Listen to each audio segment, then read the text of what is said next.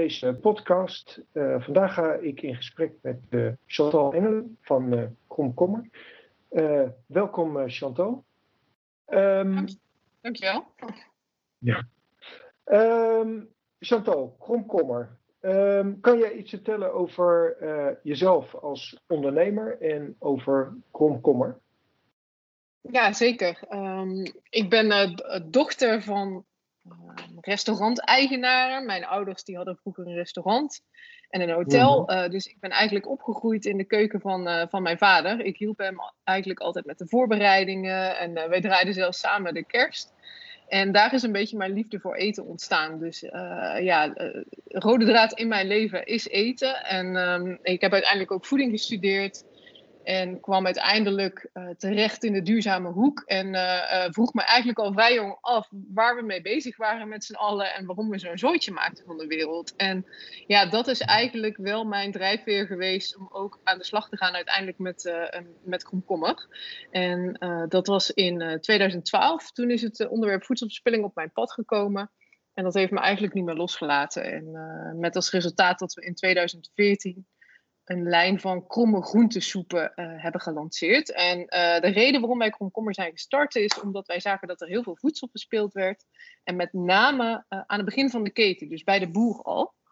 En mm -hmm. een belangrijke reden van die verspilling is dat het groente en fruit er niet mooi genoeg uitzien voor de winkel. Voor de consument, eigenlijk voor iedereen in de keten.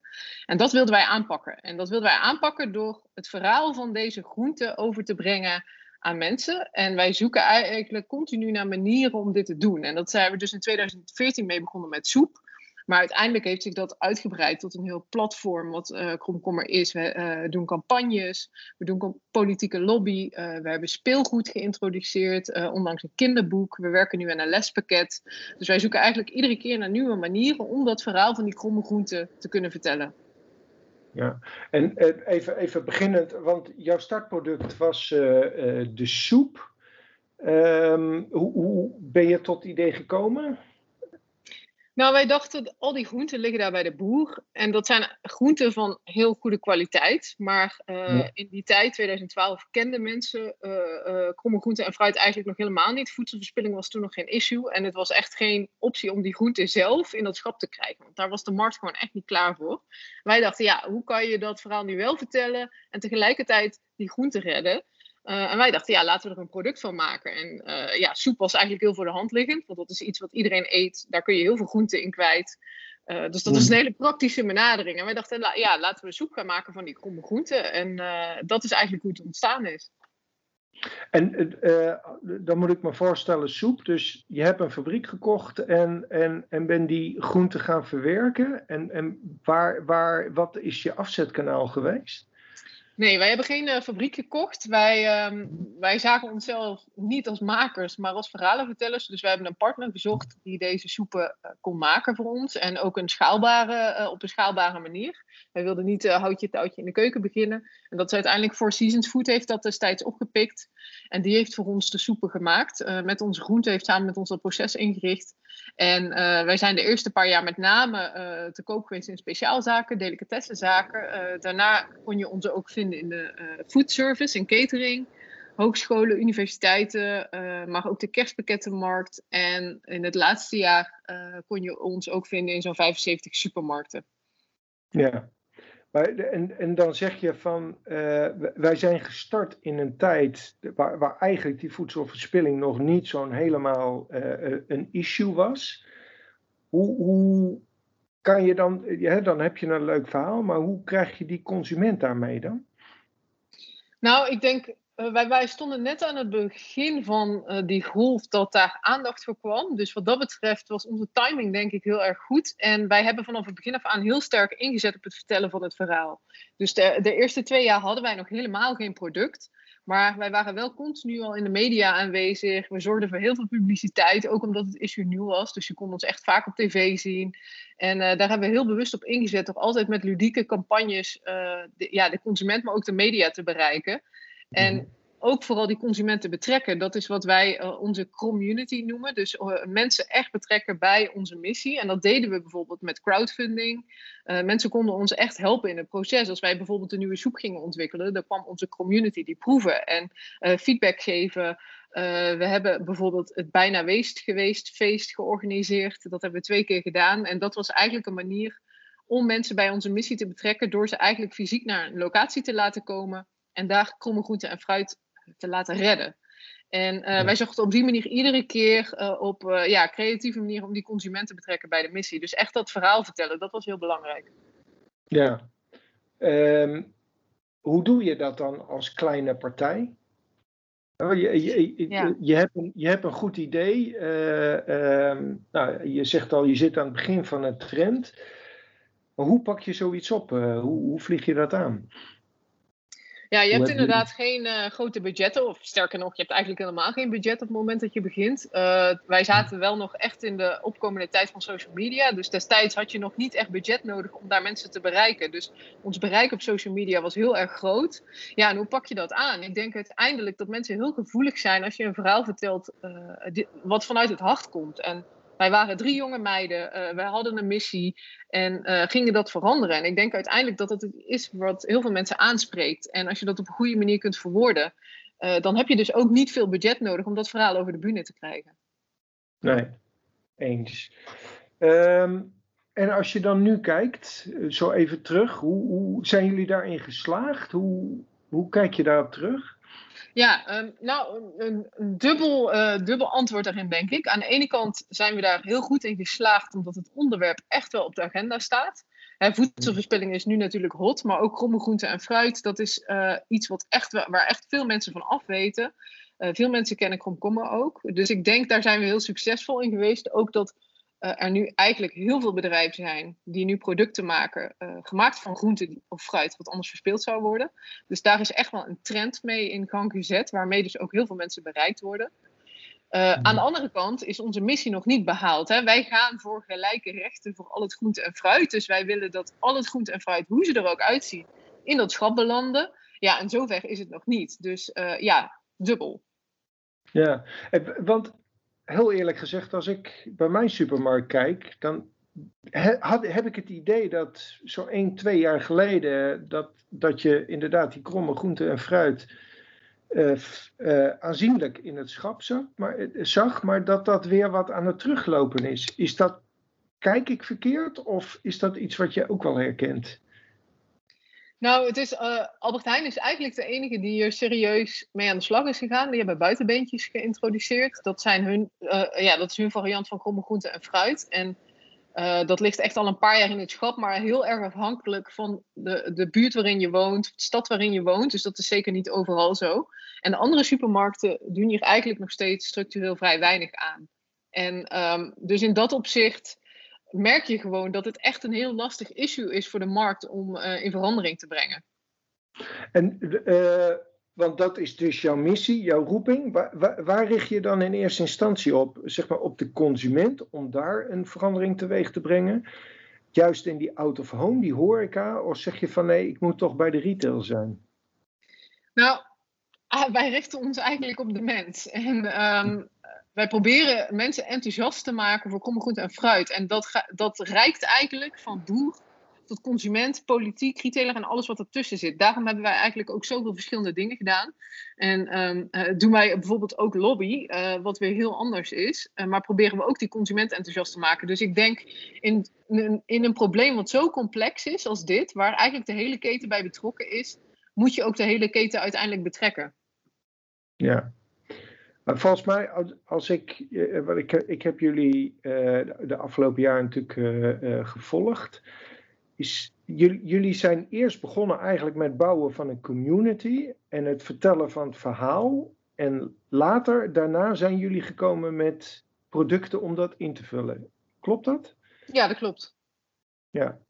Dus en hoe sta je daar nu mee?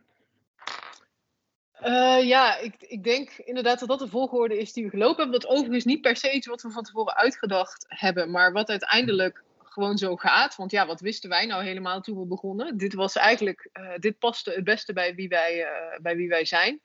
En het is inderdaad zo dat, we, dat komkommer een ontwikkeling doormaakt die eigenlijk ook past bij de ontwikkeling van het issue. Dus eerst was de focus heel erg gericht op aandacht krijgen voor het onderwerp en ja, agenda setting en zorgen dat mensen ervan afwisten. Uh, hè, we, we hebben een, een, tijd echt in die soepmarkt zijn we actief geweest. Daar zijn we nu mee gestopt. En nu maken we eigenlijk de transitie uh, naar een meer educatieve rol. Dus we zijn nu voornamelijk bezig met kinderen leren over kromme groenten en fruit. Want de kwaliteitsperceptie van consumenten begint al op heel jonge leeftijd. Dus vandaar dat we nu actief zijn met een kinderboek en speelgoed en een lespakket. Dus wij gaan eigenlijk een soort van transitie door die past bij de ontwikkeling van dat uh, issue. Ja, Even, uh, even teruggrijpend, uh, je basis is geweest, zei je, van toch die, die, die soep hè, van, van kromme groenten. Daar ben je inmiddels mee gestopt. Wat, wat is daar de, de reden van geweest? Nou, de soep is voor ons altijd een middel geweest om ons doel te bereiken en nooit een doel aan hmm. zich. En onze soep is uiteindelijk zes jaar in de markt geweest. En wat wij merkten is dat ehm, het voor ons steeds moeilijker werd om serieus mee te doen in die soepmarkt. Hè? Dat is een markt met weinig spelers, hele hoge volumes, lage marges. En daar moet je het dan als bijzondere speler tegen opnemen, terwijl jouw keten er echt totaal anders uitziet dan die van jouw concurrenten. En jouw prijs dus ook. En wij merkten als we daar uh, succesvol in willen worden, uh, want we deden het aardig, maar nog niet goed genoeg. We moesten echt flink gaan groeien. Dan moet je gewoon serieus dat spel kunnen meespelen. En dat vroeg eigenlijk van ons om een soepbedrijf te worden. Uh, ook omdat er, hè, er, steeds meer concurrentie kwam. En ja, wij hebben uiteindelijk besloten, nou dat is in ons hart niet wie wij zijn. Wij zijn uh, strijders voor die gelijke rechten. En uh, dat is waar onze kracht ligt. En wij laten die soepmarkt, of de, de markt van producten van geredde groenten, laten we nu aan anderen over. En wij kiezen een, een, een nieuwe richting. Maar als ik jou hoor, dan denk ik van ja, platform, lo lobby, waar, waar, verdien je dan je geld mee? Ja, dat is een goede vraag. Uh, nou, een hele tijd heeft de soep, uh, onze soepbusiness daarvoor gezorgd dat wij ons ding konden doen. Ehm, dus wij, hebben nooit geld verdiend, maar wij konden uiteindelijk wel onze activiteiten daarvan uh, vinden. Mhm. Ehm, en de, um, de, activiteiten die wij nu doen, die gericht zijn op educatie, daarvan, uh, daarvoor hebben wij fondsen aangetrokken die ons vanuit onze stichting helpen om dit voor elkaar te krijgen. Dus hier zit eigenlijk ja, een kinderboek, daar verdien je echt geen geld mee. en een lespakket natuurlijk al helemaal niet, want dat is iets wat je ook gratis verstrekt. Dus hiervoor hebben wij subsidies. Ja, ja. En, en, en daar moet je het van doen. Uh, ja. En dan, en dan naar de toekomst toe. Hoe, hoe kijk jij daar tegenaan? Wat, wat zijn jullie plannen daaromtrent? want het, het onderwerp is nog steeds enorm hot. Ik, ik denk zelfs uh, actueler dan, dan ooit. Wat, wat kunnen we in de toekomst van jullie verwachten? Ja, nou dat is een goede vraag. Um, voorlopig zijn wij uh, nog wel even zoet met de richting die we nu zijn ingeslagen. En ook vooral het, uh, het, het, stuk rond regelgeving is, is gaat echt nog aandacht vragen. Um, maar het educatieve stuk ook. Dus ja, en wat daarna weer komt, ja, dat zal de toekomst gaan uitwijzen. Ik denk niet dat ik uh, zes jaar geleden had kunnen voorspellen dat we nu staan waar we nu staan. Dus ja, we gaan, we gaan het zien hoe dat zich verder ontwikkelt. Zit daar dan ook niet een stukje je hebt natuurlijk de afgelopen tijd uh, enorm veel expertise opgebouwd. Je weet ja. hè, hoe die consument, uh, hoe die denkt en hoe je die zou kunnen bereiken. Om een stukje advisering richting bedrijven. Ja, ja, zeker. Dat is ook iets waar ik zelf nu ook mee bezig ben. Om ook andere uh, projecten te zorgen dat, dat daar meer bekendheid voor komt. Dus dat is zeker voor mij als ondernemer ook een stap waar ik mee bezig ben. Um, Dat is niet per se vanuit komkommer zo. Maar dat zou ook nog iets kunnen zijn waar we zeker uh, aan zouden kunnen denken. Daar zijn nu nog geen concrete plannen voor hoor. Maar uh, ja, dat zou, zou kunnen. Ja, oké. Okay. Spannend. Uh, als jij um, terugkijkt hè, over, over de afgelopen tijd. jij bent natuurlijk in deze markt gestapt vanuit een bepaalde passie. Ik, dat, dat gaf je al aan van, van, van jongs af aan. Uh, je had een doel om dat te bereiken. Waar, waar ben je de afgelopen uh, jaren tegen aangelopen? En wat, uh, wat heeft je geholpen bij het bereiken daarvan? Of wat, wat heeft je juist tegengewerkt? Ja, nou ik denk wat ons geholpen heeft is echt enorm veel steun die wij van alle kanten gekregen hebben om ons ding te doen. Hè. Dus door ons verhaal te vertellen merkten we ook dat mensen zich aangetrokken voelden tot onze missie dat die ons wilde helpen. Op, op, echt op alle mogelijke vlakken met kennis, met funding, noem maar op. Ehm, dus dat zou ook echt wel een tip van mij zijn. Zorg altijd dat je altijd focus hebt op het vertellen van je verhaal. Als je bezig bent met een, met een uh, missie, een sociale onderneming bent, is dat echt enorm belangrijk. Um, wat me tegengevallen is, is denk ik dat uiteindelijk als je een uh, ondernemer met een missie bent, je het eigenlijk dubbel zo moeilijk hebt. Je opereert in een markt uh, waar veel uitdagingen zijn die iedere andere onderneming heeft. Maar jij hebt als sociaal onderneming ook nog die missie waar jij aan werkt. En uh, eigenlijk mhm. maak je het je daar zelf dubbel zo moeilijk mee. En um, dat is soms best wel ingewikkeld. Dat je toch moet, dat je moet dealen met een, een, een markt die werkt volgens de oude regels. Terwijl jij eigenlijk al volgens de nieuwe spelregels werkt. En dat is soms best wel uh, uitdagend. En um, daar, daar is eigenlijk, uh, denk ik dat wij wat vroeg waren, daar is eigenlijk de markt ook gewoon nog niet klaar voor. En um, uh, als je bijvoorbeeld kijkt naar hoe een resultaat bepaald wordt, hè, uiteindelijk wordt er gekeken naar maakt een bedrijf winst of niet. Maar wat is die winst? Ik denk als je kijkt naar wat wij voor elkaar gekregen hebben, is onze maatschappelijke winst vele malen groter dan die van andere bedrijven. Maar uiteindelijk is dat niet hoe wij winst definiëren. En um, dat is, dat is wel uitdagend. Dat je daar uiteindelijk als sociaal ondernemer, uh, ja, heb je het daar wel pittig, uh, dubbel zo pittig mee eigenlijk. Wat, wat, wat zou er in jouw ogen dan moeten veranderen in, in uh, zeg maar de huidige sector om, om dat wel voor elkaar te kunnen krijgen? Ja, je wordt nu eigenlijk beloond als je niet je verantwoordelijkheid neemt. Want daarmee heb jij het makkelijker en kun je producten voor een lagere prijs aanbieden en, en, en maak je makkelijke winst.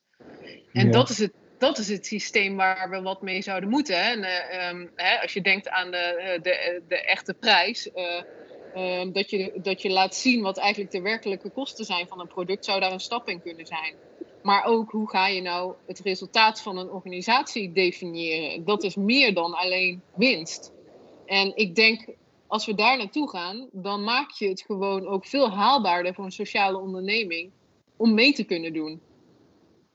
En, en, en wie zou, waar zou dat dan vandaan moeten komen? Want eh, kijk, bedrijven uh, streven toch in eerste instantie naar winst. Hè? Want eh, winst hebben ze nodig om op de lange termijn te blijven bestaan. Maar, maar, maar, ergens moet die keten doorbroken worden en, en zullen de stappen gezet moeten worden. Waar, van waaruit hoe, hoe breng je die verandering uh, tot stand, uh, laat ik het zo zeggen? Ja, dat is een goede vraag. En kijk, er gebeurt natuurlijk al best wel wat op dit vlak. Als je bijvoorbeeld kijkt naar EOSTA. EOSTA is een bedrijf uh, ja, wat handelt in biologisch groente en fruit. En zij zijn bijvoorbeeld al bezig met, het, met die keten van hoe kun je nou die, die echte, die, die true price laten zien. Um, dus er gebeurt zeker wel wat al op dit moment, maar nog niet op grote schaal. En ik denk ja, misschien is druk van de consument wel belangrijk. Ik denk wat je nu ook wel ziet, ziet, ontstaan door de coronacrisis, is dat je toch ziet dat de consument steeds meer betrokken is bij waar komt bijvoorbeeld mijn eten vandaan. En um, ik hoop ook dat dit het begin gaat zijn van je verantwoordelijkheid nemen. En als je bijvoorbeeld kijkt naar een grote speler zoals Unilever, die is daar natuurlijk ook best wel actief mee bezig. Hè? Hoe kunnen wij nou in onze eigen ketens dingen veranderen?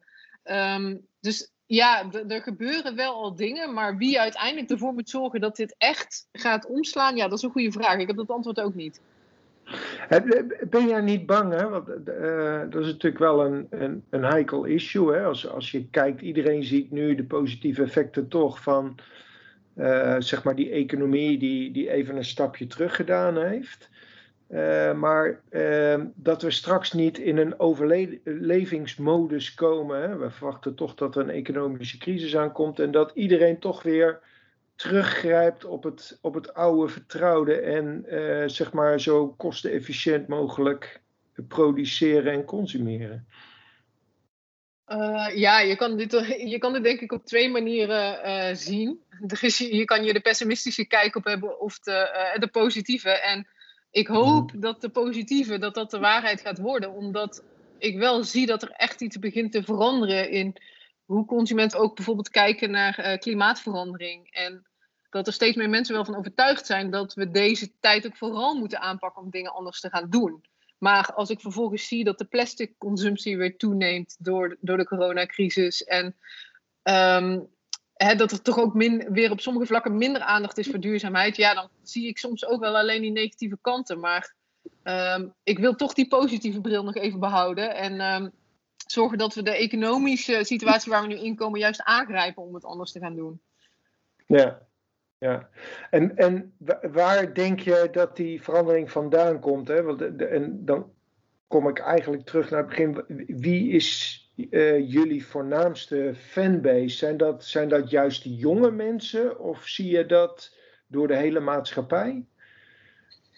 Nou, ik zie het wel door de hele maatschappij. Want ook zeker als je kijkt um, naar de wat oudere generatie, merk je toch ook wel dat die steeds bewuster ervan worden. Maar ik denk dat de echte verandering wel van de jongeren gaat, gaat komen. En um, dat, die hebben gewoon echt andere prioriteiten. Juist ook in de situatie waar we nu terechtkomen. Hun kansen op, op allerlei vlakken worden, worden kleiner. En uh, ja, zij gaan gewoon afdwingen dat we anders omgaan met deze wereld. Dus ik denk absoluut dat die veranderingen uiteindelijk wel van de jonge mensen uh, gaat, gaat komen.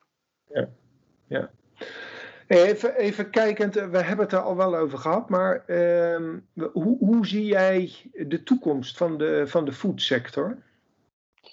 Ja, um, goede vraag. Ik denk dat ik hier dan weer even die positieve bril ophoud. En um, ik denk uiteindelijk dat het woord verantwoordelijkheid gaat zijn. En we hebben heel lang in de situatie gezeten dat je als, als uh, ja, bedrijf geen verantwoordelijkheid hoefde te nemen voor, voor jouw business. Dat je eigenlijk gewoon kon doen wat je wilde als het maar geld opleverde. En uh -huh. ik denk dat die tijd echt voorbij is. Dat consumenten steeds kritischer worden, dat partners in de keten steeds kritischer worden. En je kunt niet meer ten koste van alles, uh, mensen, uh, omgeving, uh, milieu, je product verkopen. En um, dus ik denk verantwoordelijkheid gaat echt het sleutelheid worden en dat bedrijven gedwongen worden om een visie te hebben op waar ze heen gaan in, in, in de voedselketen. En dat, het, dat samenwerking daarvoor noodzakelijk is. Ja, en, en uh, je noemde EOSTA al, maar zie je daar nog andere positieve voorbeelden in? Um, nou ja, in de, in de biologische hoek zie je vaak uh, wat, wat meer concrete voorbeelden hiervan dan uh, in de reguliere productie, omdat daar eigenlijk al vaak op andere manieren samengewerkt wordt. Um, dus daar, daar vind je wat meer concrete voorbeelden, maar je begint het toch ook wel te zien uh, bij retailers. Als je bijvoorbeeld kijkt, en dat is dan wel een biologische speler, Ecoplaza, die bijvoorbeeld yeah. bezig is met het, uh, het verwaarden van het hele, de hele oogst van een teler. Dus dan moet je denken aan, uh, ze werken bijvoorbeeld met een appelteler. En vroeger, of misschien nog steeds nu, uh, kochten ze eigenlijk alleen klasse 1 in. Want de hele markt verkoopt eigenlijk alleen klasse 1. Nou, die teler blijft vervolgens zitten met zijn klasse 2 appels, waar misschien een plekje op zit of een andere maat. En met zijn klasse 3, wat industriefruit is. Dat wordt gebruikt voor sap of uh, moes. Maar wat, mm-hmm. wat Ecoplaza nu wil gaan doen, is die wil eigenlijk van die teler, omdat ze daarmee samenwerken, die teelt voor hun, de hele oogst afnemen. En Ecoplaza zorgt er dan voor dat ze eigenlijk al die klasses kunnen verwaarden. Dus van verse appel in het schap tot aan appelmoes. En uh, zij controleren dan die hele keten. En daarmee krijgt die teler een eerlijke prijs voor zijn hele oogst. Er is geen verspilling. En daarin merk je echt dat zo'n ecoplaza verantwoordelijkheid neemt. En dat is denk ik echt waar we naartoe moeten. Dat retailers uh, langdurige samenwerkingen hebben met telers in de plaats van hè, dat ze de markt af, afstruinen naar het, naar het goedkoopste uh, product, waar ze nog even één of twee cent eruit kunnen persen. Nee, dat je gaat naar structurele samenwerkingen en dat je gewoon de hele oogst kan gaan afnemen. Want het is heel makkelijk voor een supermarkt om te zeggen: ja, uh, wij verspillen maar 2% hè, binnen onze muren. Terwijl eigenlijk ja. voor die muren, aan het begin van de keten, heel veel verspild wordt doordat een retailer strenge eisen stelt. Uh, dus het gaat, het gaat denk ik veel meer naar die samenwerking. En dat is ook waar, die, uh, ja, waar de retailers naartoe moeten. Zit jij nou regelmatig aan tafel met de grote ketens om hierover van gedachten te wisselen? Um, ja, regelmatig. Te ja, te weinig. Wat mij betreft te weinig, ja.